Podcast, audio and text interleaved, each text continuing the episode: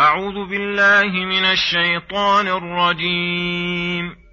الله الذي خلقكم من ضعف ثم جعل من بعد ضعف قوة ثم جعل من بعد قوة ضعفا وشيبة يخلق ما يشاء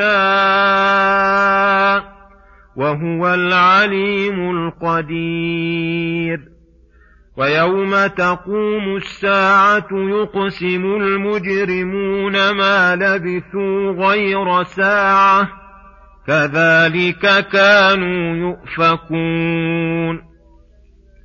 وقال الذين أوتوا العلم والإيمان لقد لبثتم في كتاب الله إلى يوم البعث فهذا يوم البعث ولكنكم كنتم لا تعلمون.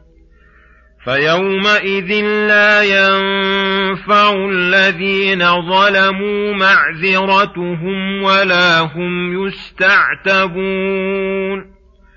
ولقد ضربنا للناس في هذا القرآن من كل مثل ولئن جئتهم بآية ليقولن الذين كفروا ان أنتم الا مبطلون كذلك يطبع الله على قلوب الذين لا يعلمون فاصبر ان وعد الله حق ولا يستخفنك الذين لا يوقنون بسم الله الرحمن الرحيم. السلام عليكم ورحمة الله وبركاته.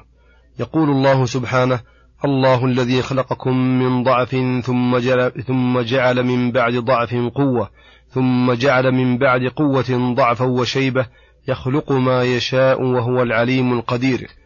يخبر تعالى عن سعة علمه وعظيم اقتداره وكمال حكمته أنه ابتدأ خلق الآدميين من ضعف وهو الأطوار الأولى من خلقه من نطفة إلى علقة إلى مضغة إلى أن صار حيوانا في الأرحام إلى أن ولد وهو في سن الطفولة وهو إذ ذاك في غاية الضعف وعدم القوة والقدرة.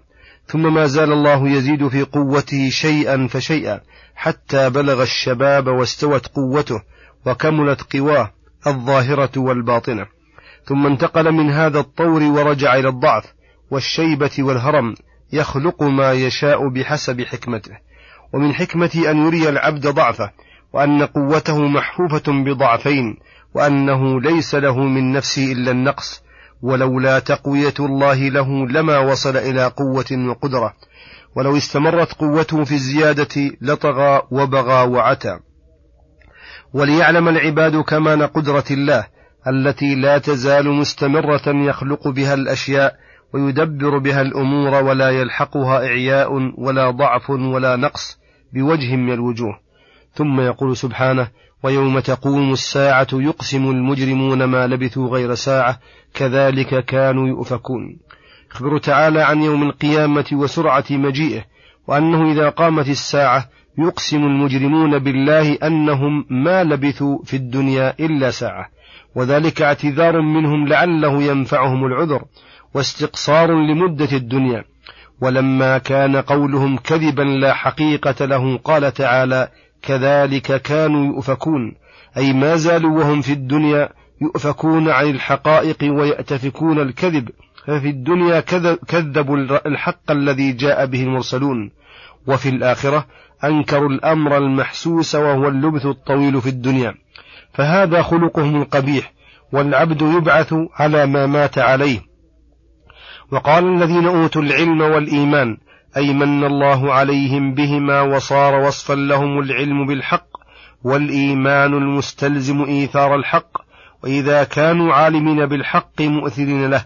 لزم أن يكون قولهم مطابقا للواقع مناسبا لأحوالهم. فلهذا قالوا الحق لقد لبثتم في كتاب الله أي في قضائه وقدره الذي كتبه الله عليكم وفي حكمه إلى يوم البعث أي عمرا يتذكر فيه المتذكر ويتدبر فيه المتدبر ويعتبر فيه المعتبر حتى صار البعث ووصلتم إلى هذه الحال. فهذا يوم البعث ولكنكم كنتم لا تعلمون فلذلك أنكرتموه في الدنيا وأنكرتم إقامتكم في الدنيا وقتا تتمكنون فيه من الإنابة والتوبة فلم يزل الجهل شعاركم وآثاره من التكذيب والخسار دثاركم. فيومئذ لا ينفع الذين ظلموا معذرتهم فإن كذبوا وزعموا أنهم ما قامت عليهم الحجة أو ما تمكنوا من الإيمان ظهر كذبهم بشهادة أهل العلم والإيمان وشهادة جلودهم وأيديهم وأرجلهم وإن طلبوا الإعذار وأن يردوا فلا يعودوا لما نهوا عنه لم يمكنوا فإنه فات وقت الإعذار فلا تقبل معذرتهم. ولا هم يستعتبون أي لا يزال عتبهم والعتاب عنهم. ثم يقول سبحانه ولقد ضربنا للناس في هذا القرآن من كل مثل الآيات أي ولقد ضربنا لأجل عنايتنا ورحمتنا ولطفنا وحسن تعليمنا للناس في هذا القرآن من كل مثل تتضح به الحقائق وتعرف به الأمور وتنقطع به الحجة وهذا عام في الأمثال التي يضربها الله في تقريب الأمور المعقولة بالمحسوسة. وفي الإخبار بما سيكون وجلاء حقيقته حتى كأنه وقع ومنه في هذا الموضع ذكر الله تعالى ما يكون يوم القيامة وحالة المجرمين فيه وشدة أسفهم وأنه لا يقبل منهم عذر ولا عتاب ولكن أبى الظالمون الكافرون إلا معاندة الحق الواضح ولهذا قال ولئن جئتهم بآية أي أي آية تدل على صحة ما جئت به ليقولن الذين كفروا إن أنتم إلا مبطلون أي قالوا للحق إنه باطل وهذا من كفرهم وجراءتهم وطبع الله على قلوبهم وجهلهم المفرط. ولهذا قال كذلك يطبع الله على قلوب الذين لا يعلمون. فلا يدخلوها خير ولا تدرك الأشياء على حقيقتها بل ترى الحق باطلا والباطل حقا. ثم يقول سبحانه كذلك يطبع الله على قلوب الذين لا يعلمون فاصبر إن وعد الله حق ولا يستخفنك الذين لا يوقنون. أي فاصبر على ما, ما أمرت به وعلى دعوة من الله. ولو رأيت منهم إعراضا فلا يصدنك ذلك. إن وعد الله حق. أي لا شك فيه. وهذا مما يعين على الصبر. فإن العبد إذا علم أن علمه غير ضائع. بل سيجده كاملا هان عليه ما يلقاه من المكاره. وتيسر عليه كل عسير. واستقل من عمله كل كثير ولا يستخفنك الذين لا يوقنون أي قد ضعف إيمانهم وقل يقينهم فخفت لذلك أحلامهم وقل صبرهم. فإياك أن يستخفك هؤلاء فإنك إن تجعلهم منك على بال وتحذر منهم وإلا استخفوك وحملوك على عدم الثبات على الأوامر والنواهي. والنفس تساعدهم على هذا وتطلب التشبه والموافقة. وهذا مما يدل على أن كل مؤمن موقن رزين العقل يسهل عليه الصبر. وكل ضعيف اليقين ضعيف العقل خفيفه فالأول بمنزلة اللب والآخر بمنزلة القشور. فالله المستعان وصلى الله وسلم على نبينا محمد وعلى آله وصحبه أجمعين. وإلى الحلقة القادمة غدا إن شاء الله. والسلام عليكم ورحمة الله وبركاته.